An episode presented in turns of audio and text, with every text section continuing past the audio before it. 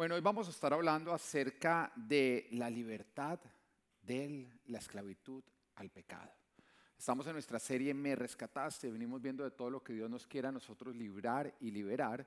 Y hoy vamos a estar hablando justamente de esas prácticas pecaminosas. Pero para empezar, quiero definir lo que es el pecado.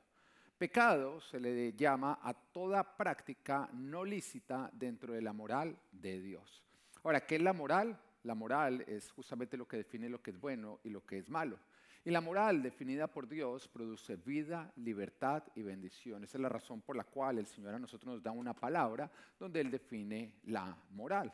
Porque al definirla, Él dice aquí todo escoger entre vida o muerte, entre bendición o maldición. Bendición y vida si tú eliges eh, seguir o vivir tu vida acorde a mi palabra, o maldición y muerte si tú decides simplemente pasarla por alto y hacer lo que tú quieras. Todo lo que está afuera de la moral de Dios produce muerte, esclavitud y maldición. Así que creo que la mejor definición justamente del pecado es cambiar algo que encontramos en Dios por algo fuera de Dios, lo cual nos hace mal, provoca muerte y nos hace esclavos.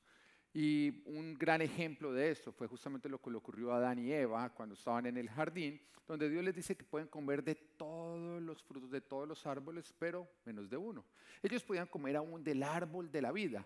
Sin embargo, ellos cambiaron todos esos árboles para más bien comer del prohibido, del que era ilícito, lo cual provocó muerte. ¿Muerte a qué? A su relación con Dios, porque el pecado mata las relaciones. Provocó esclavitud, porque cuando tú pecas le das autoridad al diablo sobre tu vida y provocó maldición. ¿Maldición sobre qué? Sobre todo lo que ellos poseían, porque a partir de ese momento la tierra fue maldita. Ya no dio fruto, sino que ellos tuvieron que trabajarla con duros trabajos para que ésta produjera apenas algunos pequeños frutos, contrario a lo que es la bendición de Dios, porque la bendición de Dios es justamente que nuestro trabajo o nuestro fruto produzca un gran fruto. Así que, ¿qué es la esclavitud al pecado? Es cuando nosotros empezamos a aplicar dichas prácticas que son ilícitas simplemente porque nosotros decidimos creerle al diablo y al hacerlo cambiamos nuestra libertad por una esclavitud que nos empieza a acompañar y que a pesar de que nos está haciendo mal, nosotros la seguimos practicando porque por alguna razón no logramos dejarla. Ahora, yo creo que todos en este momento saben a lo que me refiero, porque todos en algún instante han dicho, oiga, ya quiero dejar esto, ya no lo volveré a hacer en mi vida, pero nuevamente como que nos acompaña, ¿no? Yo creo que todo borrachito en algún momento ha dicho, no vuelvo a tomar en toda mi vida.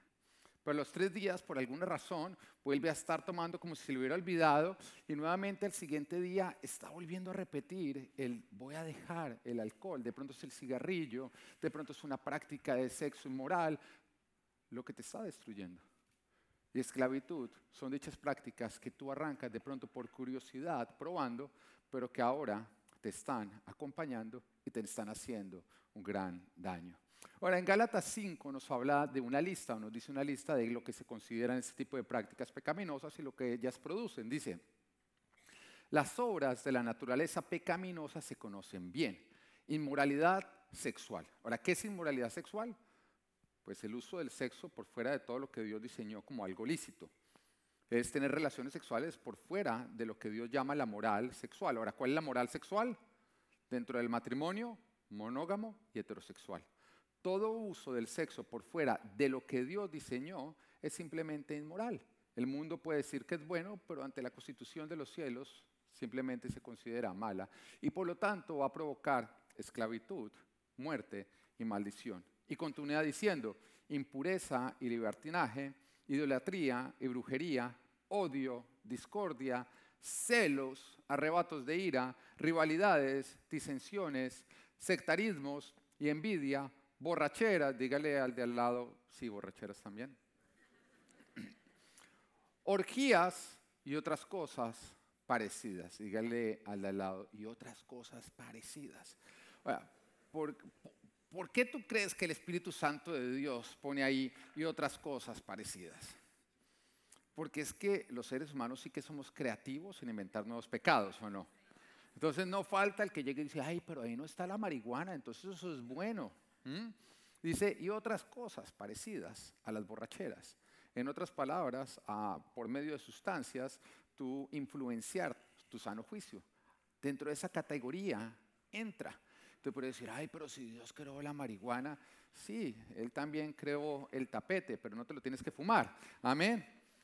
Son simplemente el uso que nosotros les damos a las diferentes cosas y si nos hace a nosotros bien o nos hacen mal. Y dice, les advierto ahora, como antes lo hice, que los que practican tales cosas no heredarán el reino de Dios. Dígale al de al lado, los que practican tales cosas no heredarán el reino de Dios.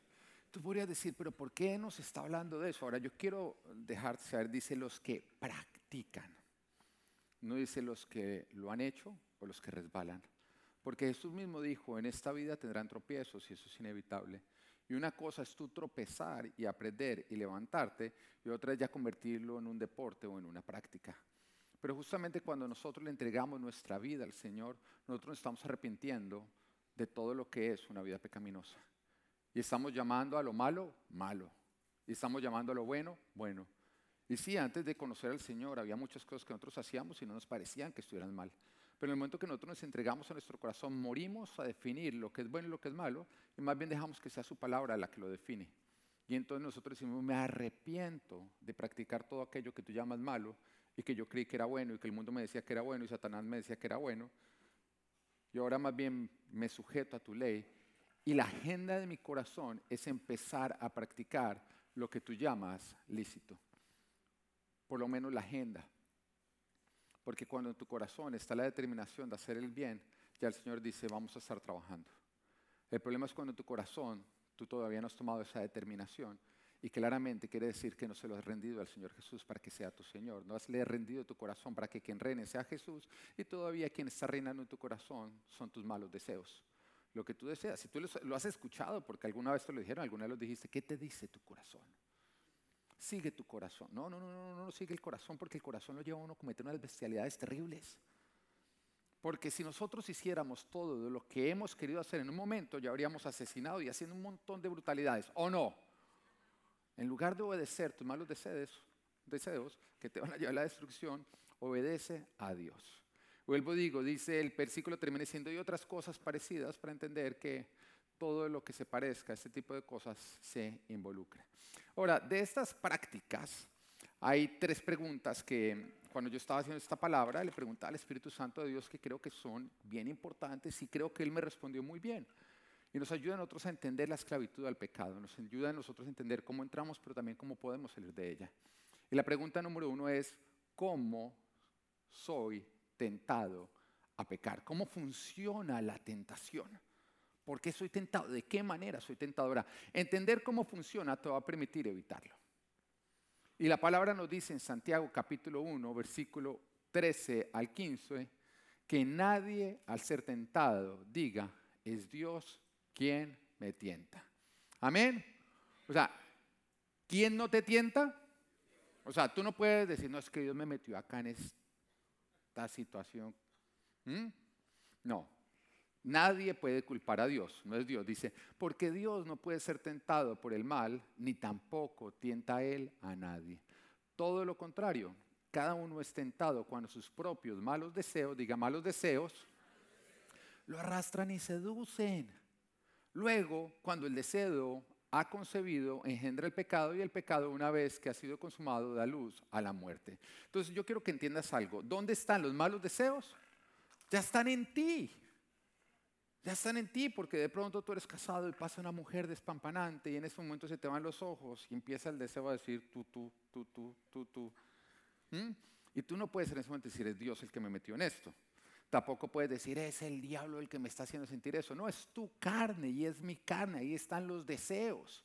Lo que pasa es que nosotros empezamos a observar, a repasar, a contemplar, a coquetear y entonces el deseo engendra el pecado.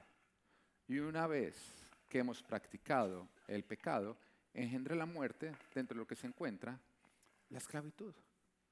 Y es así donde funciona. A lo que me quiero decir, a lo que me quiero referir, es que el deseo hacia lo malo ya habita en ti y en mí.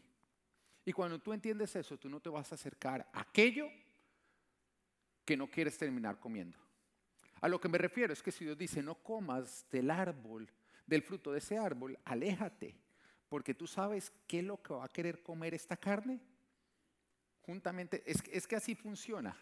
Cuando tú tienes un noviazgo queriendo agradar a Dios y tú dices, no, voy a guardar, voy a esperar más al matrimonio para tener relaciones, tu carne todo lo que te dice es, hágale, la pruebita, ¿qué tal que le vaya mal para toda la vida? Hágale, hágale, una pruebita no tiene nada y usted ya se va a casar. Y empieza a tratar de convencer.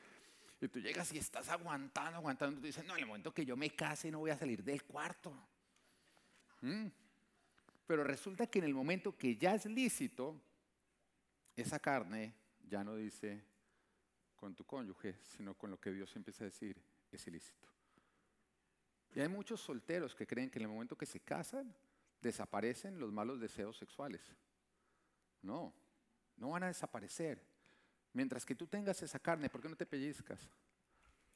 Te van a acompañar. Así que aleja dicha carne de aquello que no te conviene porque tú no quieres terminar esclavo. Los malos deseos ya están en nosotros. Ese deseo por lo ilícito, esa inclinación a reemplazar lo que podemos encontrar en Dios por algo que está fuera de Dios. En la carne están nuestros deseos y el mundo y Satanás lo único que hacen es alimentarlos. Como él ya sabe que en tu carne está el deseo hacia el pecado, lo único que él hace es traerte el pecado al frente y empezarte a hablar a tu oído para que de esa manera ese mal deseo empiece a crecer. Igual ocurre como con Adán y Eva que el mundo empieza a modelárselo y dice, no, que el fruto tiene una buena apariencia, o sea, parece que es bueno, es deseable, me dan ganas, y todos lo hacen, que es normalmente lo que uno empieza a decir, si todos lo están haciendo, porque muchas veces creemos que si todo el mundo lo está haciendo, entonces debe ser bueno o no. Y que yo creo que fue justamente lo que le pasó a Adán. Adán cogió y vio que Eva comió y no le pasó nada, y entonces en ese momento el diablo dijo, si ve, ella lo hizo y no le pasó nada, eso es puro cuento de Dios. Y entonces en ese momento comió, porque donde Eva hubiera comido, hubiera quedado muerta, ¡tata! No, en ese momento Adán dice, no, toca creerle a Dios, yo soy una persona de fe. ¿O no? No, no. ¿Usted qué cree que cuando Eva fue a comer y Adán todo, no, primero las mujeres, como en el Titanic, mujeres y niños? Es el que estaba pensando, es lo que estaba pensando, vamos a ver qué le pasa. Y cuando se dio cuenta que nada le pasó, dijo, pase para acá la manzana. Aunque no era una manzana, bueno, Porque hay algunos que todavía creen que es una manzana. No, no, no, no es el problema, no es la manzana. Algunos no compran manzanas, pero tienen gatos, o sea, no tiene explicación. Bueno. Y ahí vienen los argumentos del diablo, cuando el mundo te lo modela. Y te hace poner como una víctima. El diablo siempre te va a poner a ti como una víctima. Yo te voy a decir algo, ¿sabes que Tú no eres víctima. Y nunca estés en una posición de víctima. Porque todos en la vida tenemos problemas, todos. La diferencia es la actitud con la cual nosotros los enfrentamos. Si una persona que sale adelante es alguien que se responsabiliza de lo que le tocó y lo resuelve. Y una persona que siempre está hundiendo es cuando le toca algo y se vuelve víctima. Mira, te voy a decir algo. Nosotros merecemos muerte. Porque la paga del pecado es muerte. Y tú y yo somos pecadores. Así que todo lo bueno que tenemos es lo inmerecido, porque hay algunos que cuando les toca algo malo dicen, yo no merezco esto, porque si yo soy bueno me va a tocar esto y la desgraciada de al lado es mala y no le tocó. Porque nosotros creemos que nos merecemos lo bueno, pero de acuerdo a la palabra nosotros nos merecemos lo malo. O sea, todo lo bueno que a ti te ha tocado, ¿sabes qué? Eso es lo inmerecido. Y cuando tú tienes esa actitud frente a la vida y entonces se toca enfrentar algo malo, tú en vez de enfrentarlo como una víctima, te responsabilizas te responsabilizas. Y todo lo bueno, ¿sabes qué? Lo atesoras porque entiendes que eres inmerecedor de todo lo bueno. Y el diablo te quiere a ti victimizar porque una víctima no lucha para salir adelante. Simplemente se queda victimizándose y fue justamente lo que le empezó a decir a Adán y Eva. Es que Dios no quiere que a ustedes se les abran los ojos y sean como Él.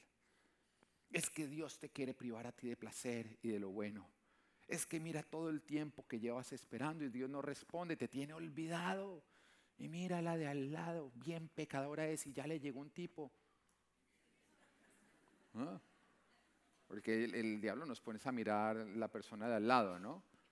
Y como cada vez crecemos más en la habilidad de manejar apariencias, Entonces aparentemente todos tienen vidas perfectas, pero las nuestras son. Y como le creemos a todo lo que vemos en Facebook e Instagram o no. Y si salen sonriendo, en la foto es porque su vida es perfecta. ¿Mm? Pero yo te digo, nadie, nunca nadie dice, y le dice a su, esposa como que peleando, ¿no? no eh, eh, muestre las garras que foto para el Instagram.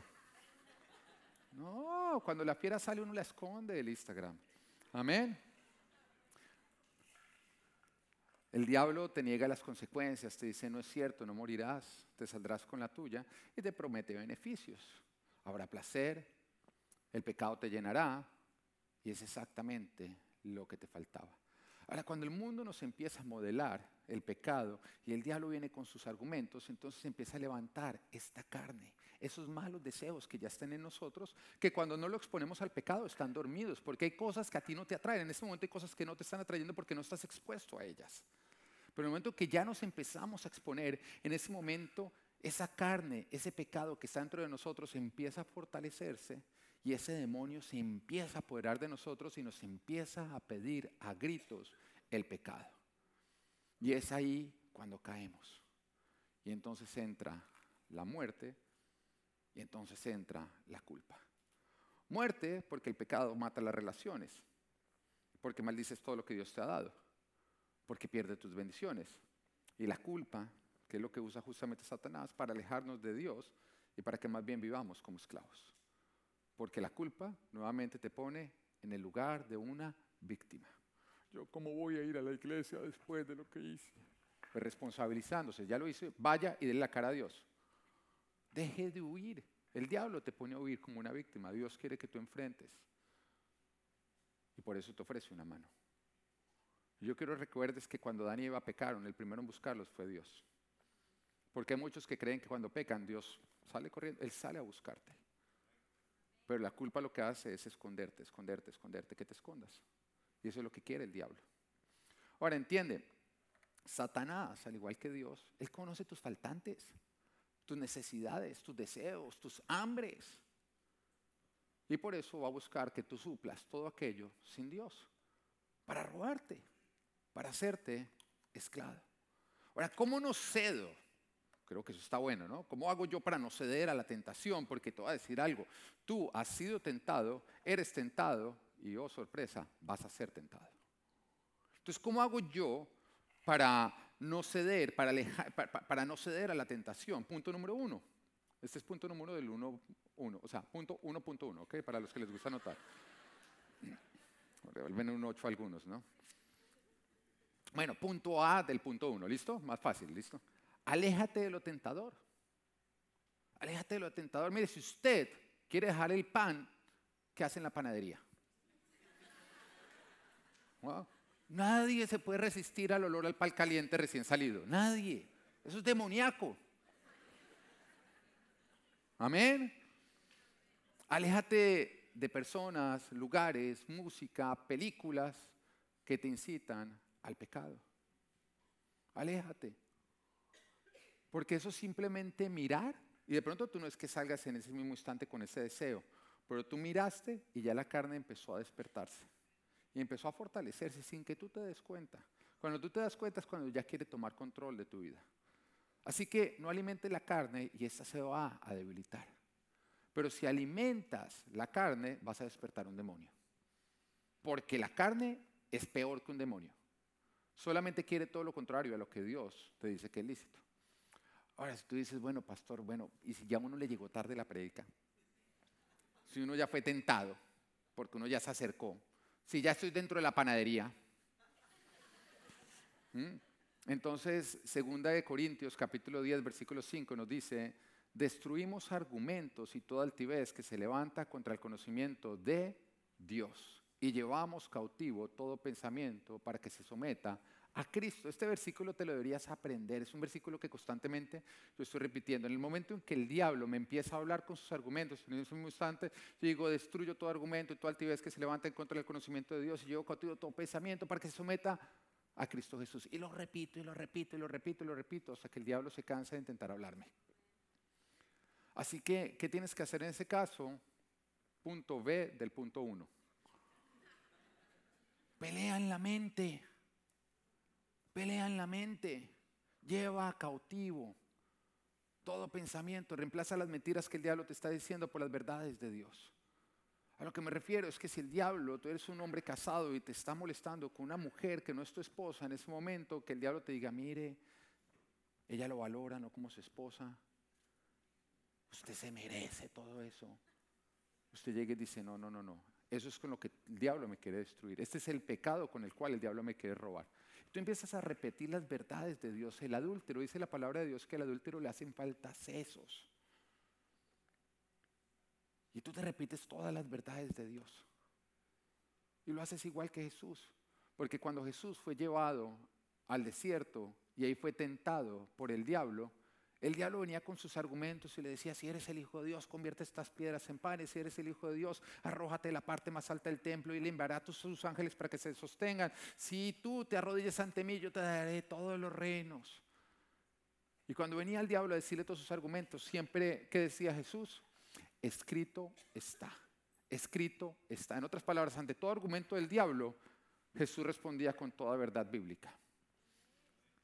Y lo que tienes que hacer, reemplaza las mentiras del diablo por la verdad de Dios, porque los que conocen la verdad, la verdad los hace libres.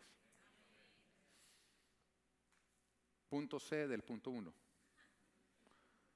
Expon al diablo. Ah, exponlo. Expon al diablo. Mira, ser tentado no es igual a pecar. ¿Dónde están todas las mujeres casadas? Pónganse de pie, pónganse de pie. ¿Listo? Siempre hago poner de pie a los hombres, a ustedes. ¿Mm? Yo quiero que entiendan, el hecho de que sus esposos sean tentados no quiere decir que ellos han pecado, no los traten como pervertidos. No,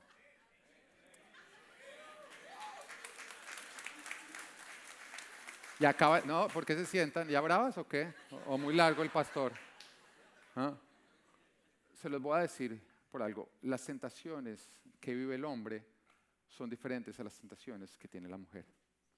Y es importante que ustedes conozcan la forma en que sus esposos son tentados, porque cuando ellos son tentados les va a hacer mucho bien si ellos pueden confesar a ustedes sus tentaciones sin que ustedes los traten como pecadores. Porque el diablo tiene autoridad sobre todo lo que nosotros escondemos y mantenemos en tinieblas, pero pierde autoridad sobre todo lo que confesamos y traemos a la luz.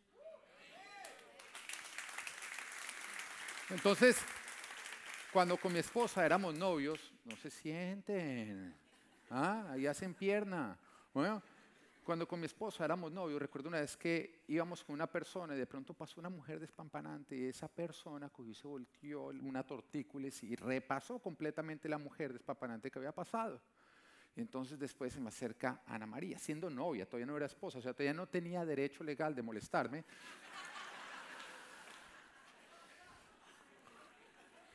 Todavía le, tocaba esconder la fiera. Espérese que faltan unos meses, no lo vaya a sacar todavía, ¿no? Ah, porque usted sabe que en el momento que uno le dicen puedes besar a tu esposa, ellas escuchan puedes molestar a tu marido, ¿no es cierto? Entonces, bueno, pero le estoy hablando a las mujeres, no se metan en problemas, la mía está acá. Bueno, entonces llega ella y me dice, mirando eso, me dice, ¿qué tal ese degenerado? ¿Qué tal cómo se, volvió a, se volvió a mirar esa mujer? Yo guardé silencio, yo la verdad no lo juzgueaba porque... Sí, en parte lo envidiaba, yo era como...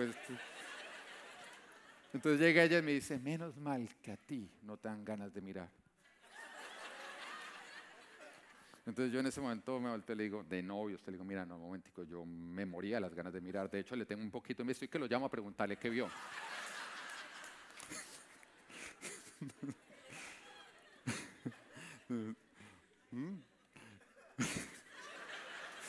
claro, es que yo sentí la mirada de ella y yo todo tratando de mirar por el reflejo del espejo. Entonces ya, cuando yo le explico eso, ella llega y me dice, me dice, yo hubiera preferido no saber que tú tienes esas debilidades. Y entonces yo le dije a ella, yo necesito que tú conozcas mis debilidades porque te necesito a ti ayudándome a que sean mis fortalezas. Y desde entonces yo he podido contar con ella. Cuando tengo temas así de tensión, cuando me siento que me estoy quemando, yo puedo ir a confesarle a mi esposa mis tentaciones. Bueno, la primera vez me dijo, ¿por qué estoy gorda? Eso normalmente suele pasar pero después ella entendió que no era cuestión de ella, sino era cuestión de que es mi lucha. Pueden sentarse mujeres y lo que les quiero decir es...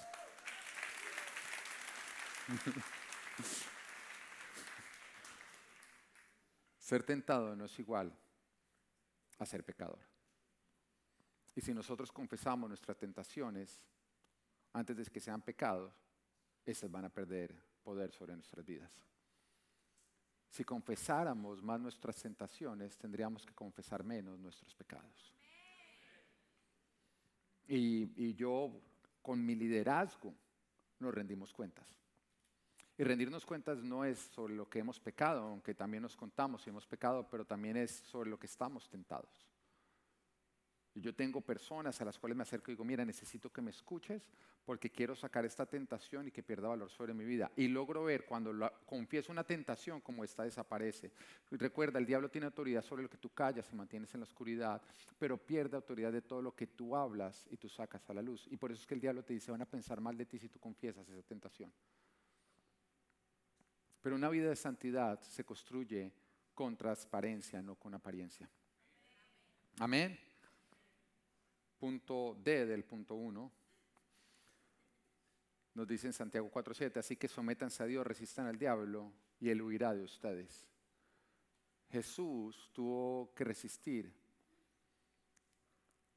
para que el tentador huyera. No esperes vencer sin resistir. Tienes que resistir sometiéndote a Dios. A lo que me refiero es que por un tiempo la tentación va a mantener, pero si tú te mantienes firme, el tentador, el tentador tendrá que huir.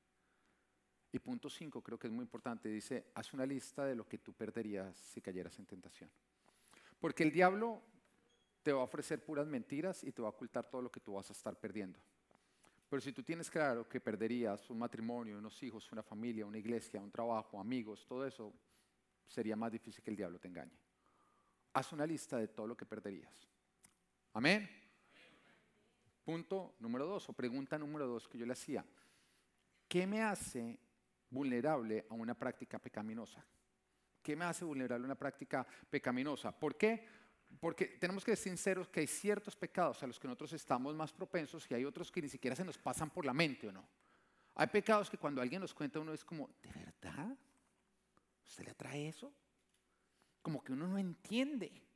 Pero nunca juzgues a otro porque es tentado de maneras diferentes a ti. Pero ¿qué me hace a mí más propenso de ciertas tentaciones? Y encontré cuatro razones que te pueden hacer a ti más propenso. La primera de ellas es probar dicho pecado. Probar dicho pecado. Lo que digo es, nosotros no extrañamos lo que no conocemos. Por eso no conozcas lo que no quieres extrañar. ¿Mm? Porque si no puedes decirle no a la curiosidad, muchísimo menos le vas a poder decir no a lo que ya se convirtió en una práctica. ¿Mm? Pero hay pecados que que no son tentación hasta que los probamos. Y de pronto terminamos probándolos es por curiosidad, por presión de grupo, pero que al probarlos es como las drogas. Nos volvemos adictos. Antes ni siquiera nos tentaban, pero después de entrar en la dicha práctica, ¿qué pecados en los que uno le tocó esforzarse para que no le gustaran? Yo recuerdo un amigo que cuando salíamos, él no le gustaba el trago, no le gustaba el licor. Y estoy hablando cuando yo no era cristiano, no estoy hablando de hace ocho días. Y entonces nosotros en esa juventud en la que andábamos todos en borracheras, a este no le gustaba, a este tomaba y no le gustaba. Y entonces se empezó a sentir como raro y uno lo miraba como raro, ¿no? Porque es que uno dice como que este tipo tan raro, ¿cómo no le va a gustar esto? Y él se sentía como fuera de lugar. Entonces el hombre se esforzó en que le gustara el trago. Y un momento en que le gustó tanto que se volvió el más borracho de todos. Y ya después no lo pudo dejar tú te das cuenta que él no era propenso a eso, pero al insistir en practicarlo, se le convirtió en una debilidad. Entonces el primer punto, lo primero que te hace a ti vulnerable a un pecado es practicarlo. El segundo es faltantes, o punto B de punto 2, faltantes que satisfago con el pecado. E, ese es muy importante, porque nosotros vivimos en un mundo caído donde tenemos varias faltantes. Hemos sido rechazados, tenemos inseguridades, de pronto no hemos tenido la presencia de un padre, de una madre, eh, tenemos falta de perdón en nuestro corazón, hay heridas, hay, hay faltantes. Y toda carencia tiene la tendencia a que tú la erotices. Eso es muy importante. toda carencia tiene la tendencia a ser erotizada. Son necesidades que al no ser suplidas de una manera correcta, tienen a convertirse en un hambre tan voraz que tú simplemente tienes que salir a llenar. Y una vez escuchaba la historia de un bebé que fue rescatado de unos padres que le daban pésimo cuidado, no lo alimentaban, y cuando lo rescataron el niño tenía serios problemas que le habían quedado porque como no le daban de comer, él se comía todo lo que encontraba a su paso y estaba su estómago lleno de plástico porque se comía sus propios juguetes, se comía la ropa, se comía todo. Como no tenía el alimento correcto, se llenó del alimento incorrecto, lo cual le hacía sentir una sensación de que estaba entrando algo a su estómago, pero al mismo tiempo le estaba produciendo muerte. Y hay ciertas cosas que son necesidades nuestras, que cuando nosotros no suplimos de la manera correcta, sino de la manera incorrecta, también nos hacen daño y nos esclavizan. Y esta, ese punto digo que es, que es supremamente importante porque el diablo conoce tus faltantes y va a buscar que entonces tú las suplas con el pecado. Pero el tema es que en Dios tú podrías llenar y sanar todas esas faltantes, pero el diablo se va a tratar de adelantar para que tú las empieces a llenar y a suplir con el pecado. Me refiero al alcohólico que realmente no tiene un problema con el alcohol, sino tiene más bien un problema de temor o de un abuso que nunca superó o de un odio hacia un padre que no ha resuelto y lo que hace es usar el alcohol como un analgésico simplemente para quitar el dolor. Cuando lo toma, se le va el dolor. El problema no es el alcohol como tal, el problema es la herida o el dolor que está tratando de sanar con el alcohol, porque por un tiempo cuando está borracho no siente.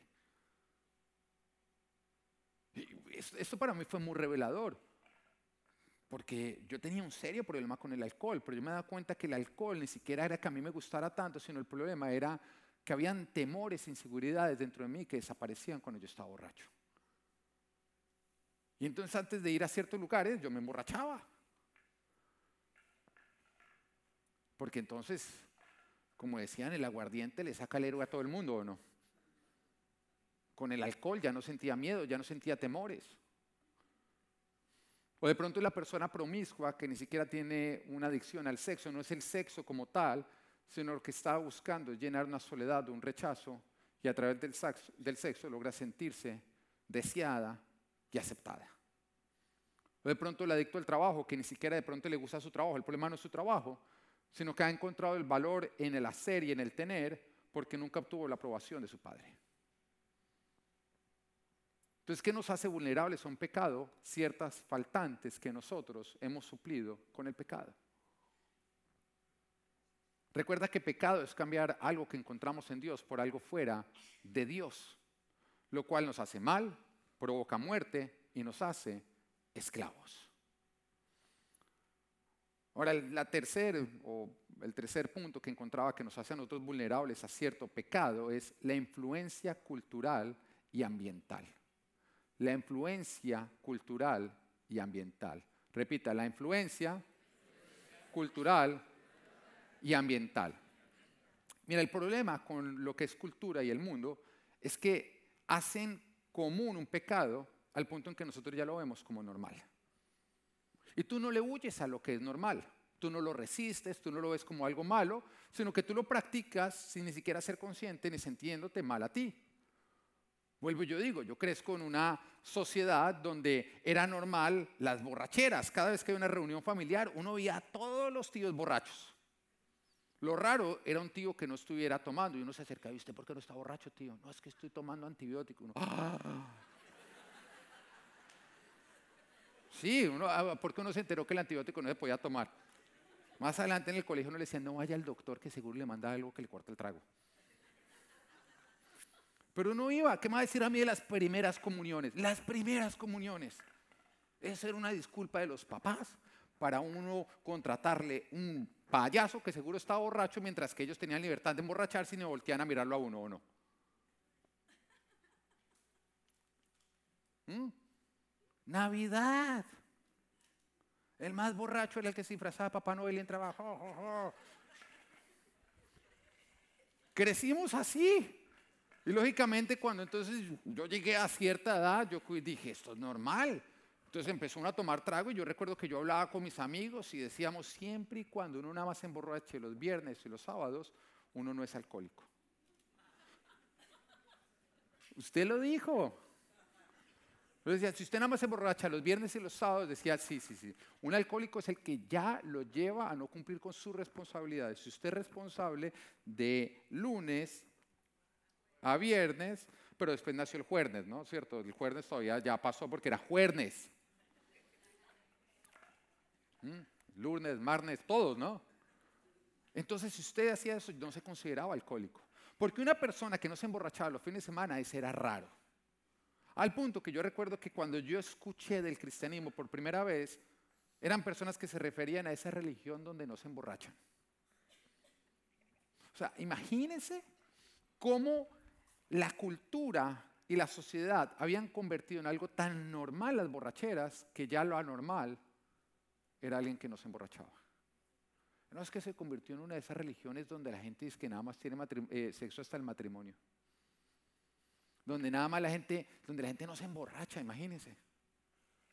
Y eso es lo que, y eso es supremamente serio. Porque la cultura hace tan común un pecado que ya tú lo ves como normal y tú no lo huyes a lo normal y no lo ves como algo malo. Y por eso es importante conocer la palabra de Dios y por eso la palabra de Dios a nosotros nos hace libres. ¿De qué? De todas esas mentiras que hemos creído.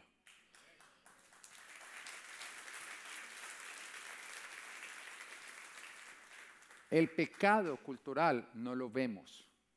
Cuando yo crecí, todavía se hablaba mal del sexo fuera del matrimonio y entonces uno en las novelas o en las películas no veía que ocurriera sexo fuera del matrimonio y si ocurría era la mala de la película. Hoy en día, en toda serie, por capítulo, una mujer sale con cuatro tipos diferentes y con los cuatro se acuesta. Y no se ve mal, ¿o no? ¿Y por qué crees que estamos viviendo el libertinaje sexual que vemos hoy en día? Estamos viendo tiempos supremamente peligrosos por el libertinaje, por las prácticas culturales que llaman normal al hacer común lo que no debería ser normal. Y la Biblia nos da claros ejemplos de cómo un pecado que se convierte en algo cultural se logra multiplicar hasta llegar a toda la población. Cuando yo miro las estadísticas, nos muestra que en 1946 la generación tradicionalista, el 0.8%, se consideraban LGTBI. Hoy en día, la generación Z se considera el 20% el 20.8% LGTBI. Eso quiere decir que cada 10 a 15 años se está doblando el número, lo cual quiere decir que dentro de 40 años ya no va a existir el heterosexualismo si no hacemos algo al respecto. ¿Por qué? Porque no lo mostraron tan común que ya lo vimos normal y ya no lo vimos como algo malo. Hace 30 años tú veías dos personas del mismo sexo caminando, cogidos de la mano y tú te escandalizabas. Pero ya lo hemos visto tanto en televisión, en la cultura, en la sociedad y en el ambiente, que ya hay muchos que lo están defendiendo a pesar de que no lo estén practicando. ¿Qué cambió? ¿Qué cambió? ¿Qué cambió? Entonces muchos dicen, no, es que se abrió la mente, es que tenemos que avanzar, se abrió la mente. No, no se abrió la mente. Lo que ocurrió fue que lo empezamos a ver tan común que lo empezamos a ver normal. Pero cuando tú vas a la palabra de Dios, la palabra de Dios sigue diciendo que el matrimonio es entre un hombre y una mujer. Y que todo lo que se practica frente a eso está fuera de la moral bíblica. ¿Qué quiere decir? ¿Que son personas malas? No. No quiere decir que son personas malas. Quiere decir que dichas prácticas no producen ni bendición ni vida, ni abundancia, sino lastimosamente producen muerte, maldición, escasez, esclavitud. Es lo que producen. Es lo que producen. No es una guerra contra el que practica ciertos pecados. Todo pecado produce eso. El tema es cuando empezamos a ver ese pecado común y entonces lo llamamos normal y entonces se empieza a practicar sin darnos cuenta de lo que está produciendo. Esta semana pasada, la Corte Suprema anuló un fallo que hacía que el aborto fuera legal en todo Estados Unidos.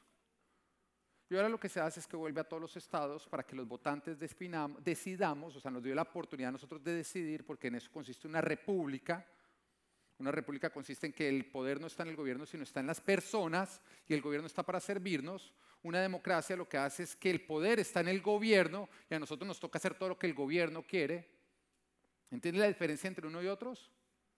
Entonces, una democracia lo que busca es nosotros mandamos acá, ustedes hacen lo que nosotros digamos. Por eso los impuestos son más altos, porque el tema es empobrecer al pueblo y enriquecer al Estado para que el poder esté en el Estado y ellos decidan todo lo nuestro. Una república, no, una república es el poder está en las personas y las personas son las que deciden y el gobierno está para servirlos. Entonces justamente lo que se busca con estos fallos es que nosotros, el pueblo, seamos los que decidamos si nuestro Estado es legal o no es legal. Nos da el derecho a decidir lo que nosotros queremos. Pero entonces cuando salen los medios dicen, ¿por qué Estados Unidos retrocedió 50 años?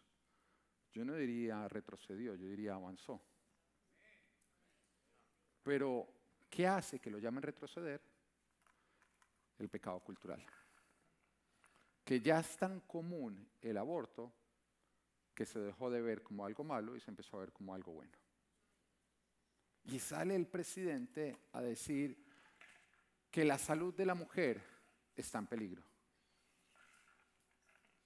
No, acabamos de salvar la vida de muchas mujeres que están creciendo en los vientres, de muchos hombres. Pero mira el tema del pecado cultural. Entonces, ¿cómo hago yo si, todo el mundo lo está haciendo? ¿Cómo hago yo para saber si es bueno o malo? Porque es que yo quiero agradar a Dios y quiero obtener las bendiciones de Dios. Ve la palabra. Porque la palabra de Dios no es antigua, no es moderna, es eterna. No cambia.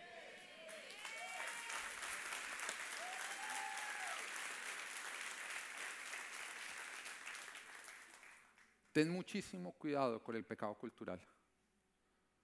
Ten muchísimo cuidado con lo que el mundo está llamando común. Porque si lo sigues viendo, tú y tu familia lo van a ver como algo normal y van a terminar practicándolo como si no fuera malo. Cuidado con lo que ves con lo que oyes y de lo que te rodeas, porque el pecado transforma y terminas viéndolo como algo normal. Es grave ver una serie, una película, donde se está viendo todo esto común, sí, porque tus hijos lo van a ver como normal y lo van a practicar sin sentir ningún cargo de conciencia, pero va a producir lo que Dios dijo que producía, maldición, muerte y esclavitud. Y piensa en las hijas de Lot, Sodoma y Gomorra todos estaban completamente generados, entonces Dios lo va a destruir, pero saca a Lot y a sus hijas, que todavía no estaban en dichas prácticas porque las hijas eran vírgenes, pero habían visto, pero no habían practicado. Y cuando las saca, Lot se va a vivir con ellas en un lugar apartado, en las montañas. Y la Biblia llega y dice que las dos hermanas se voltearon y dijeron, no, oiga, venga, queremos tener hijos, ¿qué le parece si emborrachamos a nuestro padre, lo violamos y de esa manera quedamos embarazadas? Y ese día ocurrió el primer incesto de la historia de la humanidad. Ahora, ¿dónde está escrito? En la Biblia. Si la leyeras de vez en cuando, te darías cuenta que la Biblia tiene toda clase de temas y que es supremamente interesante. Pero hay cosas que tú no has apagado en tu casa y que dejas que tus hijos estén viendo y que no te sorprenda cuando ellos las terminen practicando. Y cuando tú financias a alguien que abiertamente tiene una agenda para ir en contra de lo que Dios establece, tú te estás haciendo cómplice, le estás dando autoridad al diablo sobre tu vida. Porque al mismo tiempo, Disney, oiga, Disney dejó de ser Disney, ¿no? Tú sabes que después del fallo salió también a decir que le iba a pagar a todos sus empleados tiquetes de avión para que fueran a estados donde es permitido el aborto para que se practiquen abortos. Y tú todavía dices, no, yo sigo teniendo Disney Plus porque uno más, uno menos. El diablo tiene autoridad de entrar a tu casa porque tú lo estás financiando te estás haciendo cómplice. Te estás haciendo cómplice. Razón número cuatro, por la cual un pecado, o soy más vulnerable a un pecado, por los pecados de nuestros antepasados. Éxodo 20, versículos 5 y 6 dice, yo el Señor, tu Dios, soy un Dios celoso, Cuando los padres son malvados y me odian, yo castigo a sus hijos hasta la tercera y cuarta generación. Por el contrario, cuando me aman y cumplen mis mandamientos, les muestro mi amor por mil generaciones. Mira, nosotros no tenemos culpa de los pecados de nuestros padres, pero por su pecado nos hacemos vulnerables y propensos a dichos pecados. No solamente porque hemos sido expuestos ambientalmente, sino también porque nos hacemos vulnerables espiritualmente. Y tú podrías decir, pero eso no es justo, no es justo que porque mi papá y mi mamá practicaron eso, entonces yo me haga vulnerable. Tú no estás mirando el versículo completo, el Señor está diciendo que sí, que cuando tus padres practicaron el pecado hasta tercera y cuarta generación, hay como una autoridad espiritual que adquiere el diablo y que tú vas a ser propenso a dichas prácticas. Sí, está diciendo eso, pero la otra parte dice que si tus padres hicieron algo conforme a su palabra, eso produce una bendición hasta mil generaciones. Y para que sea justo que nosotros heredemos las bendiciones de nuestros padres, también tiene que ocurrir que heredemos sus maldiciones. Pero todavía es más hermoso porque en Jesús tú puedes romper con todas esas maldiciones y simplemente quedarte con las bendiciones.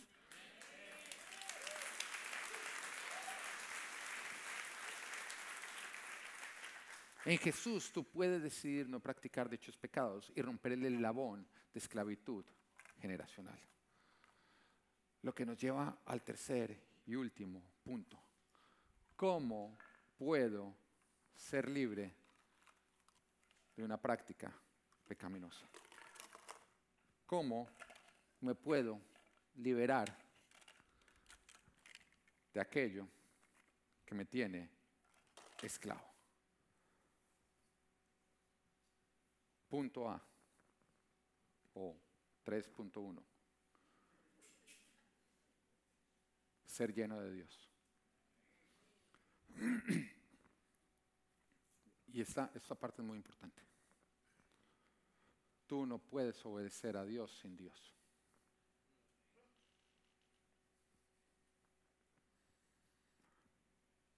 Por mucho tiempo, antes de entregar mi vida al Señor, yo intenté dejar masturbación, alcohol, drogas, pornografía y muchos pecados. Porque a pesar de no haber entregado mi vida a Dios, veía lo que me causaban a mí. Y yo no lo lograba. Volvía nuevamente a caer, a caer y a caer. Porque tú no puedes obedecer a Dios sin Dios. Cuando tú le rindes tu vida a Dios, Él rompe tus cadenas de esclavitud. Pero intentar dejar el pecado sin Dios es imposible. Lo primero que tú tienes que hacer es llenarte de Dios. Si tú te llenas de Dios cuando te rindes completamente a Dios, cuando lo buscas, cuando dices mi vida es tuya, lléname. Si nosotros le quitamos el alcohol a un alcohólico que no le ha entregado su vida a Dios, simplemente nos vamos a encontrar con un alcohólico infeliz.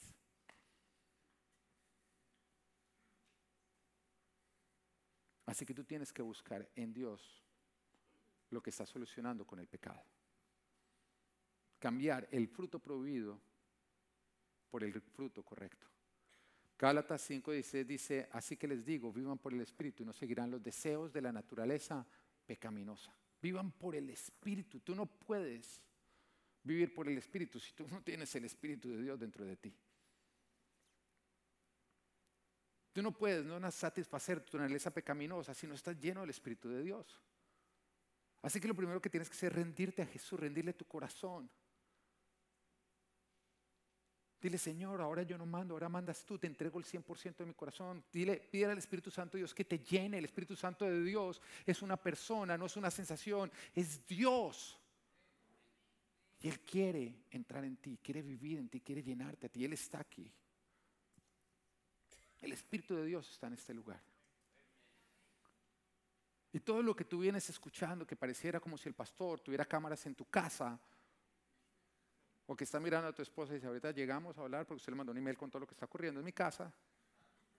No, es el Espíritu Santo de Dios dejándote saber que Él está en este lugar.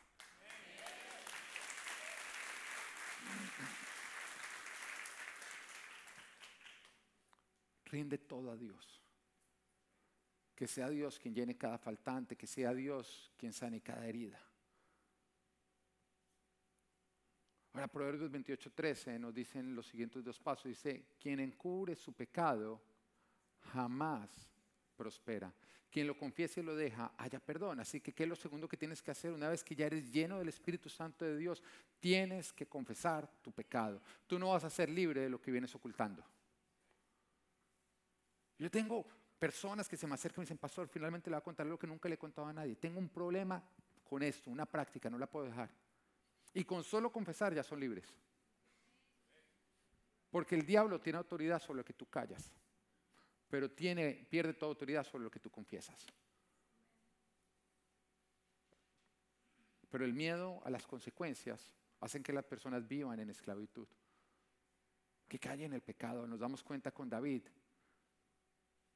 que adulteró, pero por miedo a las consecuencias de confesar que se había acostado con una mujer que no era su esposa, él decide callar y por callar termina entonces hundiéndose más en el pecado y practicando el asesinato.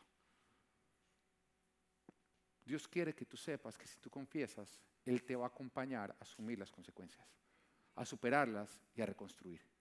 No quiere decir que las consecuencias no van a existir, sí existen, porque el que rompe algo tiene que lidiar con lo que rompió. Pero Dios te dice, si tú confiesas, yo te voy a ayudar y te voy a acompañar a reconstruir. No vas a estar solo. Un arrepentimiento sin una confesión completa no es arrepentimiento. Porque el pecado que tú encubres es practicar el engaño. Por lo tanto, confesar tiene que significa practicar la verdad, dejar de ocultar.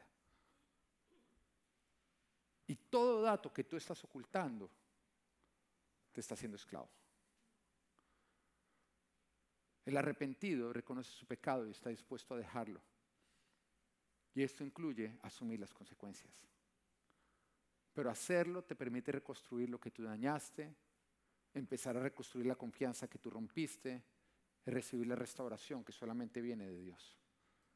El pecado tiene sus consecuencias, pero arrepentirnos tiene bendiciones. Y Deuteronomio 30, que justamente se titula Bendiciones a causa del arrepentimiento. ¿Tú te imaginas lo que está diciendo acá? Dios está prometiendo, las escribe en su palabra, que hay bendiciones cuando nos arrepentimos. Tú puedes decir, sí, pero es que cuando yo cuente van a venir consecuencias que, a causa, que, que porque he ocultado todavía no las estoy viviendo. Sí, no las estás viviendo y el diablo está feliz.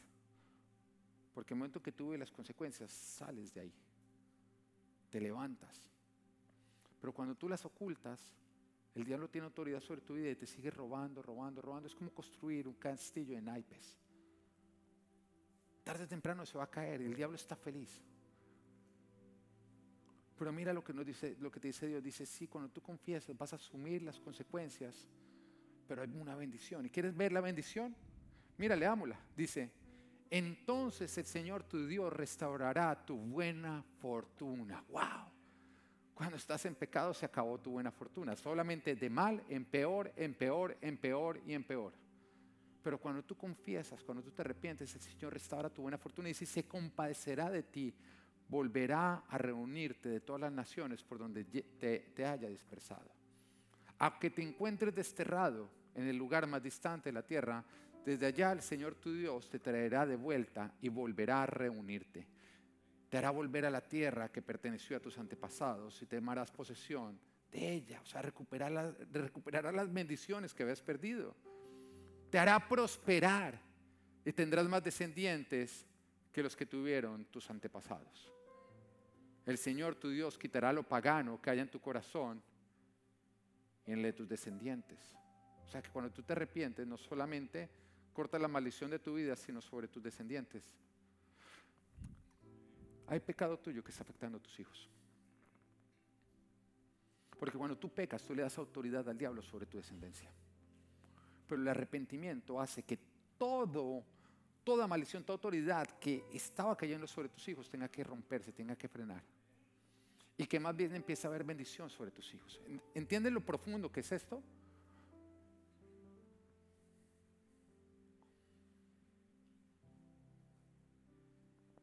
El Señor quitará lo pagano que haya en tu corazón y en el de tus descendientes para que lo ames con todo tu corazón y con toda tu alma y así tengas vida. Cuando tú callas el pecado vas a seguir en maldición, pero cuando tú confiesas vas a entrar en bendición. Y recuerda que a Dios le confiesas para perdón, pero a la iglesia para sanidad y restauración. Tienes que ir a su cuerpo. Y es por eso que es importante que cuando tú te arrepientes, tú busques a alguien espiritualmente maduro, un líder, alguien, y tú le confieses tu pecado. Y en muchos casos, esa persona es tu cónyuge. Y lo que nos lleva al último punto, deja tu pecado. Ya te llenaste de Dios, ya confesaste, ahora deja tu pecado. Porque ya Dios rompió el yugo de esclavitud. Ya eres libre. Si ya eres libre, camina fuera de él, porque también la palabra de Dios nos advierte de aquella persona que se parece a la marrana que después de haber sido lavada vuelve otra vez a revolcarse en el lodo, o del perro que después de haber vomitado lo que lo tenía enfermo vuelve y se traga su propio vómito. Tú sigues teniendo libre albedrío, quiere decir que tú podrías volver a las prácticas pecaminosas y el Señor te dice, deja tu pecado. Y está la historia de la mujer encontrada en adulterio, que nos dice que Jesús estaba en un lugar cuando de pronto llegaron unos hombres que habían encontrado a una mujer, la habían sorprendido en el acto mismo de adulterio. O sea, no había manera de que ella dijera que no había ocurrido. La trajeron y la tiraron a los pies de Jesús y dijeron, la ley dice, porque eso decía el Antiguo Testamento, antes de que Jesús hubiera muerto por nuestros pecados, antes que Él viniera a hacerse hombre para ser nuestro Salvador, dice, la ley dice que esa mujer tiene que ser apedreada, todos cogieron sus piedras. Y entonces Jesús nos dice que escribiendo algo, en la tierra. Tú me preguntas, ¿qué? Yo creo que estaba diciendo, ustedes están recitando una ley que yo escribí con mi dedo. Y se volteó y dijo, sí, al escribir decía, todo lo que ustedes están diciendo es lo justo. Pero el que esté libre de pecado, que tire la primera piedra. En otras palabras, cuando tú la arrojas, tú vas a ser merecedor del mismo castigo, porque tú también has pecado. Y ahí Jesús estaba diciendo, puedes vivir por la ley o puedes vivir por mi gracia. Porque la ley, la paga del pecado de muerte en Cristo Jesús, ese nuevo pacto, Él murió para que nosotros tengamos vida.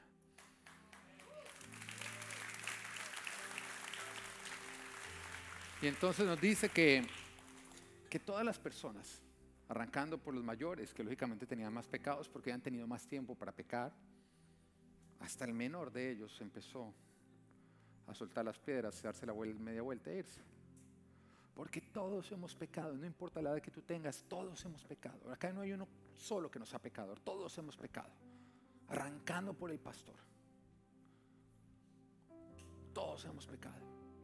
Y entonces ahí Jesús se quedó con la mujer y le dice en Juan 8, 10, mujer, ¿dónde están. Ya nadie te condena. Nadie, Señor. Mira lo que Jesús le dice. Tampoco yo te condeno. Ahora vete y no peques más. Mira lo que Jesús le está diciendo. Mujer, a pesar de que acaba de ser sorprendida en adulterio, a pesar de que todavía tienes el pecado en ti, a pesar de que todavía el sudor de tu amante está sobre ti, a pesar de que todavía no te has duchado, de que todavía hueles a ese adulterio, yo no te condeno, yo no te rechazo, yo te acepto, pero no peques más, en otras palabras, te acepto a ti pero no apruebo lo que estabas practicando, así que no lo vuelvas a hacer. Te acepto a ti, pero no apruebo lo que vienes haciendo, así que deja de hacerlo. Dios te acepta a ti, pero no aprueba el pecado por el daño que te produce. Y para terminar, quiero leer Primera de Juan, capítulo 3, versículos 5 y 6. Dice, pero ustedes saben que Jesucristo se manifestó para quitar nuestros pecados. Y Él no tiene pecado todo el que permanece en Él no practica, diga practica el pecado. Todo el que practica el pecado no lo ha visto ni lo ha conocido.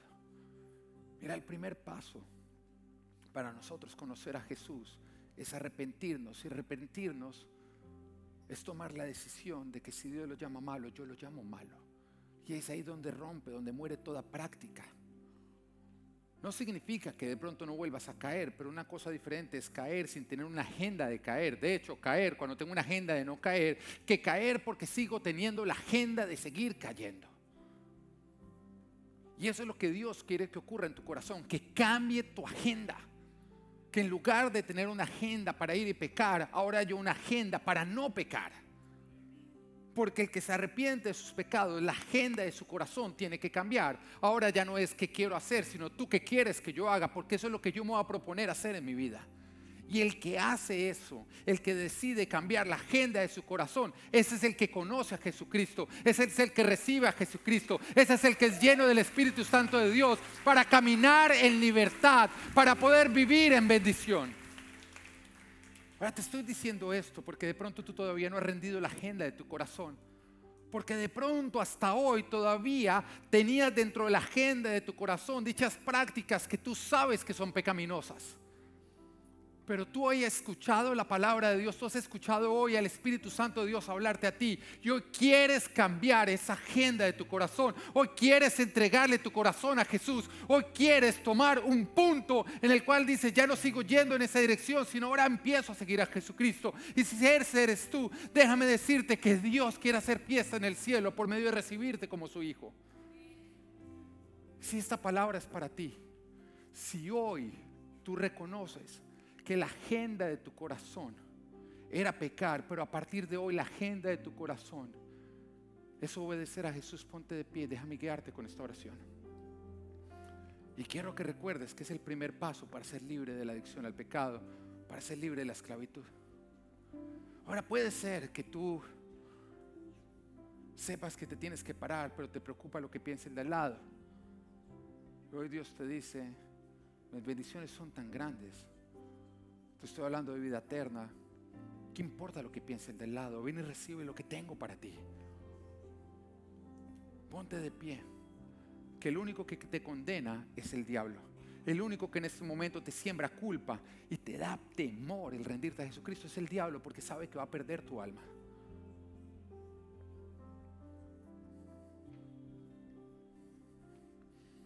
Si jamás le has rendido tu corazón a Jesucristo, Dios quiere salir lleno de Cristo. Ponte de pie en este instante y reciba al Señor Jesús.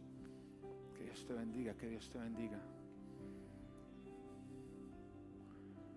Si a través de esta palabra te das cuenta que no has podido dejar una práctica porque no le has rendido completamente tu vida a Jesús, y hoy quieres ser lleno del Espíritu Santo de Dios y estás dispuesto a rendirle tu vida a Jesús, ponte de pie en este instante.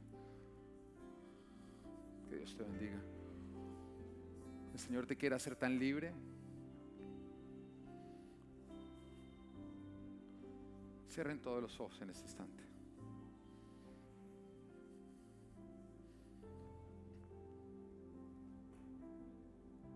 Hay cosas que tú has manejado en lo oculto que te tienen atado, pero hoy decides caminar en la luz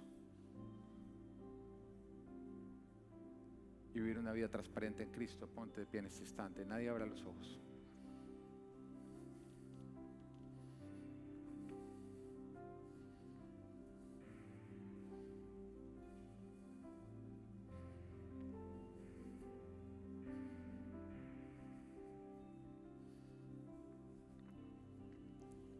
Ahora ese es el primer paso por una restauración y por una libertad.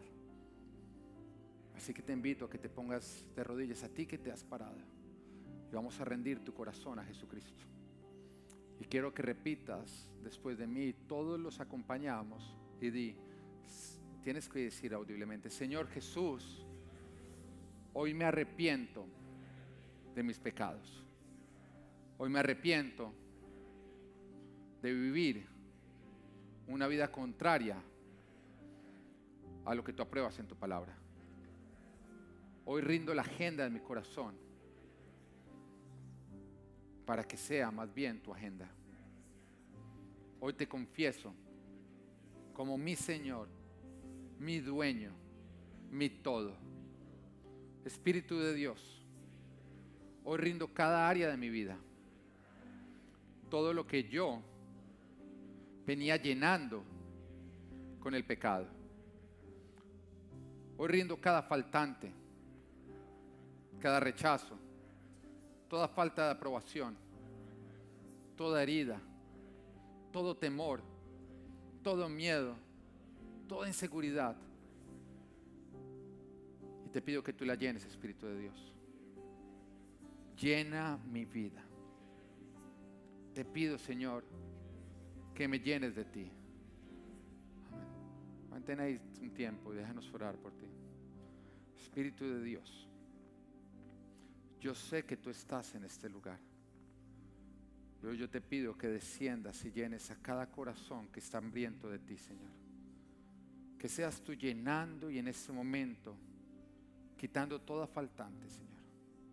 Desaparecen temores, desaparecen miedos, desaparecen inseguridades, vacíos que había en el estómago. En este momento se van en el nombre de Jesús. Oh Maranda, Santa Rama, Maranda Sata. Espíritu de Dios, toca a cada persona, Señor, transfórmala, déjale saber que tú estás acá. Inunda este lugar con tu presencia. Baña a cada persona en el nombre de Jesús. Salen demonios, porque se va toda autoridad del enemigo sobre nuestras vidas, se rompe toda cadena en el nombre de Jesús, se rompe toda cadena, se rompe toda cadena de esclavitud. En el nombre de Jesús, Espíritu de Dios, desciende con fuego y con poder.